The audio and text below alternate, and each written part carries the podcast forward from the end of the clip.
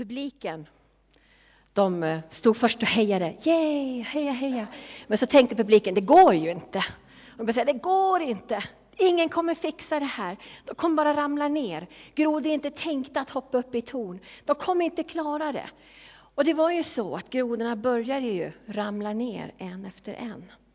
Några kom bara några steg och andra kom tio steg. Men de, liksom, de hörde bara hur de sa där, det går inte, ni kan inte. Grodor kan inte göra sådana här saker. Och till slut hade alla grodor ramlat ner utom en. Och han tog sig hela vägen upp till toppen. Och när de skulle fråga hur bar du dig åt? Så visade det sig att han var döv.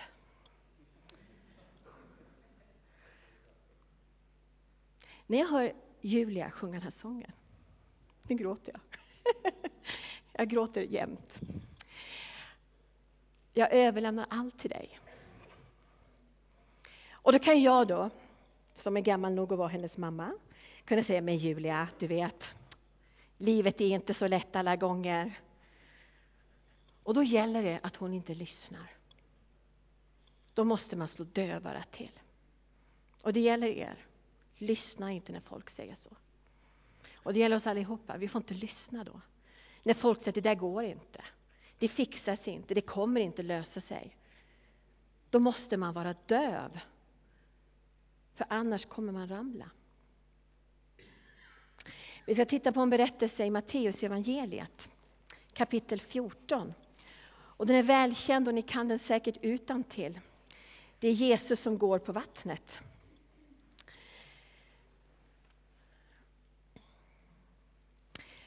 Och det som är lite intressant där, ja det är mycket som är intressant med det. Det är en ganska märklig historia. Det går ju inte att gå på vatten. Det kan man ju inte göra. Va? Så det i sig självt är väldigt märkligt. Men en annan sak som är intressant är att Matteus berättar att Petrus gick på vattnet. I Markus evangeliet och Johannes evangeliet kan vi läsa om att Jesus gick på vattnet. Men Matteus, han berättar om Petrus. Petrus gick på vattnet. Ska vi läsa? Johannes 14 och från vers 22. De har precis gett mat åt 5000 män och massa kvinnor och barn. Det var ett stort väckelsemöte, underbar samling, åtta dagar, 13 gånger om. Och sen befallde Jesus sina lärjungar att stiga i båten och fara i förväg för andra sidan sjön medan han skickade hem folket. Så snart han hade skickat hem folket gick han upp på berget för att vara för sig själv och be. Där var han ensam när det blev kväll. Båten var redan långt från land och kämpade mot vågorna eftersom det var motvind. Strax före gryningen kom han till dem, gående på sjön. När lärjungarna fick se honom gå på sjön så blev de förskräckta och trodde att det var en vålnad. Och de skrek av rädsla, jag undrar på det. Men genast talade Jesus till dem och sa, lugn, det är jag, var inte rädda. Petrus svarade, Herre, om det är du, så säg åt mig att komma till dig på vattnet. Han sa, kom. Och Petrus steg ur båten och gick på vattnet fram till Jesus. Men när han såg hur det blåste blev han rädd. Han började sjunka och ropade, Herre, hjälp mig! Jesus sträckte genast ut handen och grep tag i honom. Du trosvage, sa han, varför tvivlade du? De steg i båten och vinden la sig. Och de som var i båten föll ner för honom och sa, du måste vara Guds son. De andra evangelisterna talar om Jesus som går på vattnet, men Matteus, han pratar om Petrus.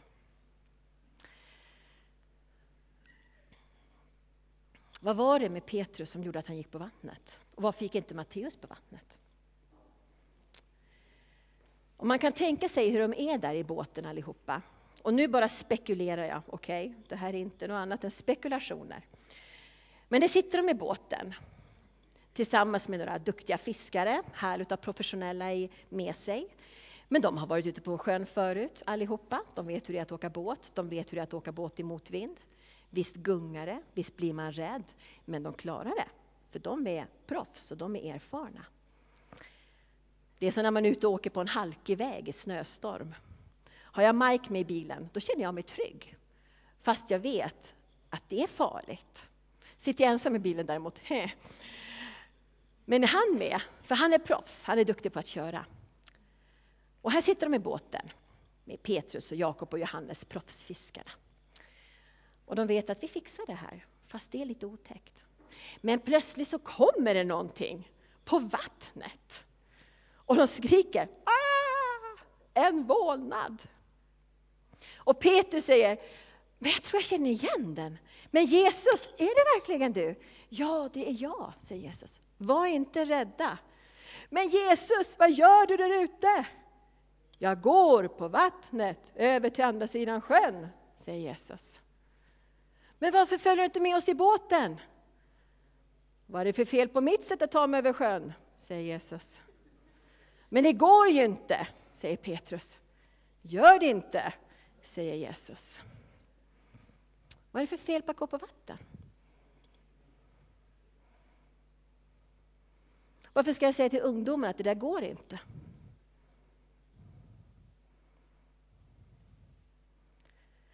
Och Petrus säger, men om det är du Jesus, säg åt mig att komma ut till dig.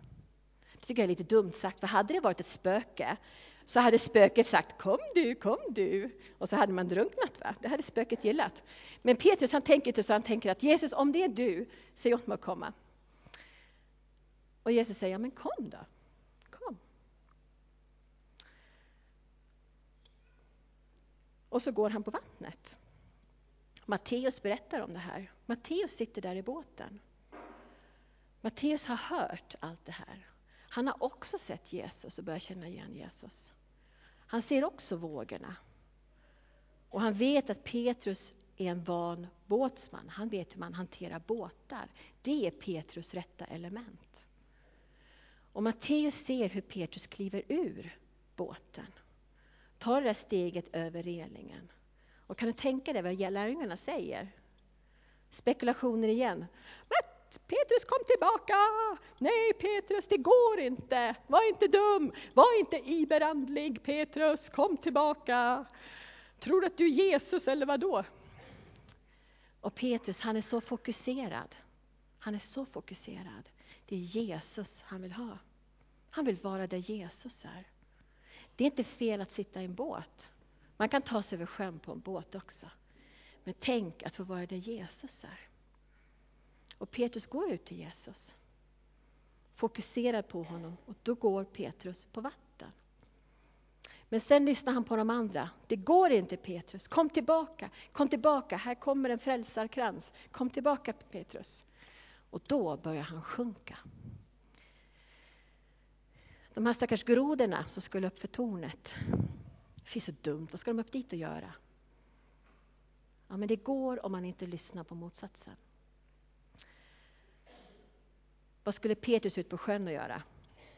Ja, det vet jag inte, ingen aning. Men han ville vara där Jesus var. Och när Petrus sjunker då vet ni att Jesus han sträcker ner handen och drar upp honom med en gång. Trosvage Petrus, nu går vi tillsammans du och jag. Och så går de tillsammans till båten och det lugnar ner sig. Och det står i ett av evangelierna att, att med en gång kom de fram till andra sidan sjön. Men de andra lärjungarna i båten, de föll ner för honom i bävan och sa du måste vara Guds son. Var det så att Petrus hade fått kläm på det lite tidigare? Att Petrus redan visste om det? Han hade liksom anat innan. När han hade sett allt det här andra som hade hänt. Maten. När Jesus stillade stormen, när de var dödsrädda. Minns den där gången när de faktiskt höll på att gå under och Jesus låg och sov i båten. Det hade hänt innan det här. Och Petrus såg det. Och Petrus hade varit med när Jesus sa det här om att ja, men fiska på andra sidan så får du fångst. Petrus hade sett det här och han hade börjat förstå att Jesus, Jesus han är nog Guds son. Och är han Guds son, då behöver inte han lyda under naturlagar. Om han har skapat lagarna har han rättigheten att bryta mot dem. Så Petrus går på vatten. Därför att han vill vara där Jesus är. Och Matteus, han faller ner i bävan och säger Jesus, du måste vara Guds son. Och Jesus han, han fördömer inte lärjungarna i båten. Han, han klagar inte på dem. Han pekar inte finger åt dem på något sätt. Utan han åker med dem resten av vägen och så känner de sig också lugna och trygga. Men tänk att få uppleva det som Petrus upplevde. Jag vill också gå på vatten. Jag vill också gå på vatten. Om Jesus säger det. Vad är det du vill göra? Vad är det du vill göra som Jesus gör? Och det vet vi ju inte om vi inte ber honom tala till oss. Petrus sa, säg kom till mig Jesus, då kommer jag. Vi pratade igår om att höra Guds röst. Vad är det Gud säger till dig att göra? Hur kan jag veta att Gud vill trösta mig om jag inte kommer till honom med min sorg? Hur kan jag veta att Gud vill vara en klippa om jag inte kommer till honom när jag känner att jag tvivlar? Hur kan jag veta att Gud vill vara min styrka om jag inte kommer till honom när jag känner mig svag? Hur kan jag veta att han var min läkare om jag inte kommer till honom när jag är sjuk? Det är ju då jag måste komma dit och upptäcka vem han är. Och se att du är ju faktiskt Guds son. Några kapitel senare, i kapitel 16, fortfarande Matteus som berättar. Matteus kapitel 16 och från vers 13. Jesus kom till området kring Caesarea Filippi och han frågade sina lärjungar, vem säger människorna att Människosonen är? De svarade, ja, en del säger att du är Johannes döparen, andra säger Elia och andra säger Jeremia, Jeremia eller någon profet. Och ni då? frågar Jesus. Vem säger ni att jag är? Simon Petrus svarade, du är Messias, den levande Gudens son. Och där slutar Markus och Johannes sina berättelser om det här. Men Matteus, han fortsätter. Då sa Jesus till Petrus, Salig är du, Simon, Jonas son. För ingen av kött och blod har uppenbarat detta för dig, utan min fader i himlen. Och jag säger dig att du är Petrus, klippan. På den klippan ska jag bygga min kyrka, och dödsriket portar ska aldrig få makt över den. Jag ska ge dig nycklarna till himmelriket. Allt vad du binder på jorden ska vara bundet i himlen, och allt vad du löser på jorden ska vara löst i himlen.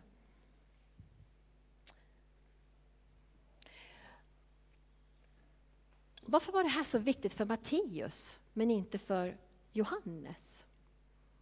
Eller för den som skrev Markus evangeliet, om det var Petrus som berättade för Markus kanske. Vad var det med Matteus som gjorde att det här var så viktigt? Jesus säger till Petrus, du är klippan. Du bekänner mig som Messias, den levande Gudens son. Du är klippan. På den här klippan ska jag bygga min församling. På den här bekännelsen och på den här tron du har. Du vet, vi kan bekänna mycket. Vi kan bekänna mycket och det ska vi göra. Och ofta måste vi börja med bekännelsen och sen handlar vi. Men om vi inte handlar, agerar, då är inte bekännelsen värd någonting. Om jag bekänner att jag, eh, vadå? Jag bekänner att jag är mor till Amanda. Jag bekänner, yes I am. Men om jag inte handlar ut efter det så har det ingen betydelse. Om jag bekänner ett brott men inte låter konsekvenserna komma av det så har det ingen, ja det har betydelse men det spelar liksom ingen roll i mitt liv. Om jag bekänner Jesus vara Herre men inte låter honom vara det, då spelar det ingen roll vad jag säger. Jag kan ju säga tills jag blir blå i ansiktet. Men om jag inte låter Jesus vara Herre i mitt liv, då spelar det liksom ingen roll. Många gånger måste man börja med bekännelsen och sen kommer handlandet. Men handlandet måste följa. Jakob säger så många gånger, var ordets görare, inte bara dess hörare. Vi hör så mycket, men så måste vi göra också. När Jesus säger kom till Petrus där i båten. Tänk om Matteus också hade sagt, ja men jag också Jesus, jag vill också med. Vad tror ni Jesus hade sagt då? Jag tror det. Han hade nog sagt, kom du också Matteus! Och du Andreas, och så du, Bart, ja allihopa, Filippos och gänget. Vi kan ha lite ett party här ute på havet.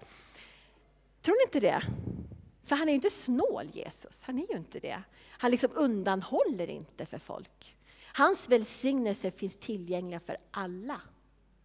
Det är inte så att några får dem, utan alla har tillgång till det. Men Petrus, han gjorde det som han bekände. Du är Guds son, ja men då hakar jag på och gör det som du gör. Och så går han på vattnet. Men det går inte att gå på vatten. Jo, men det gör det. Därför Jesus har sagt det.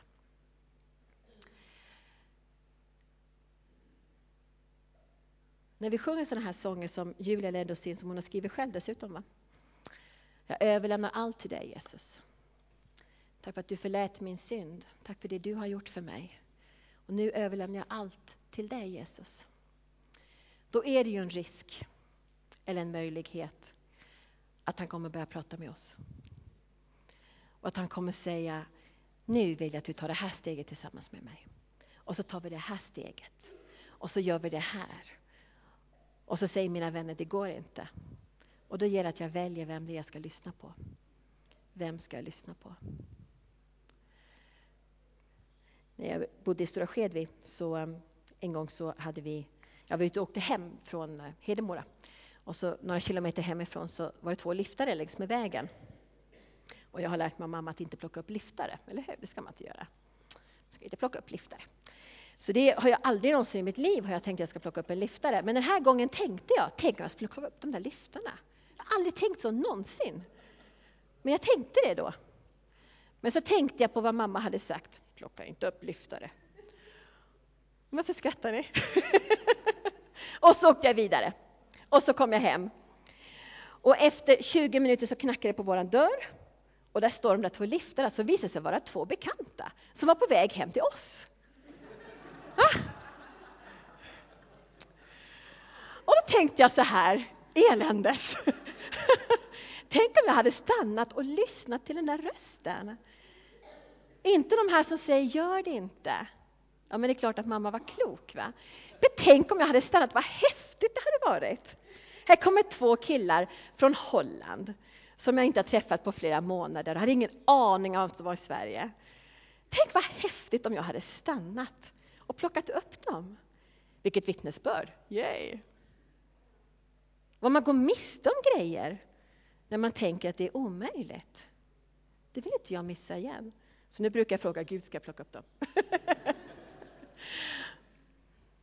och vi går miste om grejer. Eller att fråga här när man går ut på morgonen, Herre vilka vill du sända i min väg idag? Vilka vill du att jag ska prata med idag? För dem i min väg. Och så låta honom göra det. Låta honom föra och inte se människor som störningsmoment. Utan se dem som att Gud har fört dem dit. Eller se på omständigheter vi hamnar i, inte som något problem utan som en möjlighet för Gud att vara den han är. Om han sa till Petrus, Petrus den här bekännelsen att jag är Guds son. Jag har sagt bygga min klippa på den bekännelsen och på din villighet att tro på det. Och att göra det. Att leva som att du tror på det. Och vet du vad, när min församling är byggd på den klippan, då kan dödsrikets portar inte stå emot det. När vi tror att Gud har all makt och att han vill att vi ska leva med honom i det här som han gör. Oavsett vad de andra tycker och tänker. Oavsett vad världen tycker och tänker. Det är mycket vi gör som kristna som är galet enligt världen. Jättemycket. Och då är det ständigt en frestelse att vi låter bli att göra det. För vi vill inte bli sedda som galna. I alla fall vill inte jag det. Jag tycker det är jättejobbigt när folk tycker att jag är knäpp. Eller tycker att jag är inskränkt. Eller tycker att jag är intolerant eller vad det kan vara. Jag blir jätteledsen när folk tycker det. Och samtidigt så får jag inte lyssna på det. va? Jag måste ju välja vem det är jag lyssnar på. Och Jesus talar till oss. Igår pratade vi om att Gud är intresserad av hela våra liv. hela våra liv. Han är till och med intresserad av våra drömmar. Han talar i vår dröm. Och han är intresserad av vår dag. Han är intresserad av våra vänner. Han är intresserad av våra arbetsplatser. Helene berättade att hon var intresserad av bilmekanik. Han är intresserad. Och därför får vi lyssna på honom. Jesus, vad har du för lösning? Vad vill du säga till den här människan? Hur vill du lösa den här situationen? Och nu vet jag att ni har massor av vittnesbörd hur Jesus har stigit in och hur han liksom har löst situationer. Han har talat till människor, han har helat. Hur han har gjort det som är omöjligt. Men vet ni, vi får göra det här ännu mer. Och tillsammans, som en församling, får vi bli en församling som gör det som är omöjligt, därför att Jesus säger det. Inte för att liksom bara få göra det. Det är liksom ingen poäng att bara liksom hitta på en massa dumheter bara för att man ska verka cool eller verka, ja, jag vet inte vad det kan vara. Men när Jesus säger det, då är det bäst att vi gör det.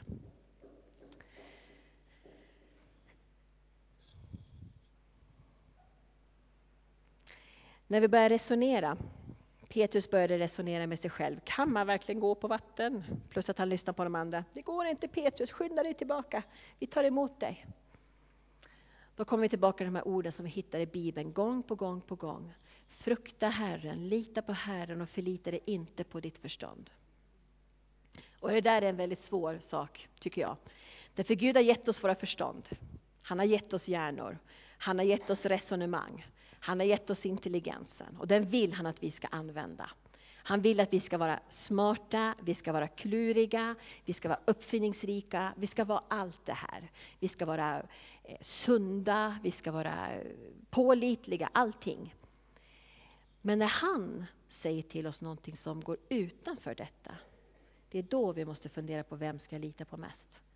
Mina egna erfarenheter och mitt eget resonemang, min kloke man. Nej, jag måste lita på honom. Lita på honom, vad han säger.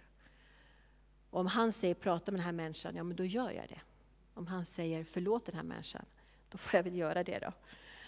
Om han säger köp det där, då gör jag det. Ehm.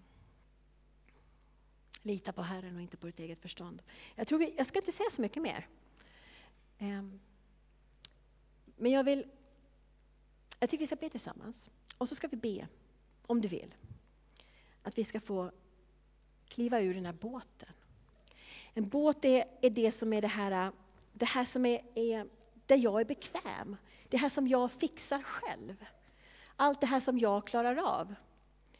Det är liksom min båt. Men jag kan det här. Liksom. Jag behöver inte förbereda mig så mycket, jag behöver inte oroa mig. Jag vet ungefär vad som kommer hända och hur man hanterar situationer. Min bekvämlighetszon, det är min båt. Men vet, jag tror att Jesus vill ta oss utanför det här. Därför att han är så otroligt intresserad av andra människor. Och så länge jag stannar i min båt, då kommer jag bara sitta där. Och jag kommer inte nå alla de här andra.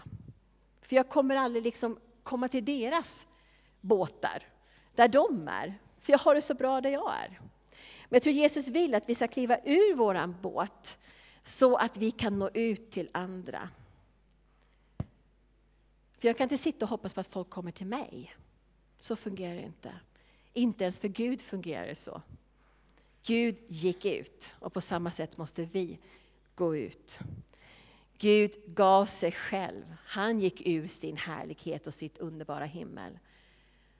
Därför att han älskade. Och på samma sätt måste vi kliva ur det som känns bekvämt och familjärt för oss. Ni som är med på åtta dagar nu, ni märker att vi, är i, vi går runt i olika kyrkor och har undervisningen. Och en av orsakerna till det är just för att vi ska få gå ur båten lite grann. Det är ett pyttesteg ur en båt. Men bara det här att gå till en annan kyrka kan betyda någonting. Att man sträcker sig utanför sig själv. Och så är man i en smågrupp tillsammans med syskon från andra församlingar. Och då måste jag sträcka mig utanför mina erfarenheter och mitt eget sätt att uttrycka mig. Och det som vi har varit med om i vår församling. Jag måste gå in till någon annan.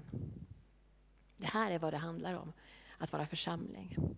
Och då kan helvetets portar inte stå emot, när vi börjar leva som Jesus gjorde. Då kan helvetets portar inte stå emot. Det räcker inte att bekänna, vi måste leva Och det gör vi, men vi kan leva mycket, mycket mera. Och det kommer bli obekvämt därför att tidningarna kanske kommer klaga på oss. Eller folket här omkring börjar klaga på oss. Eller skolkamraterna eller arbetskamraterna. Och säger det går inte. Jo men Jesus säger. Jesus säger.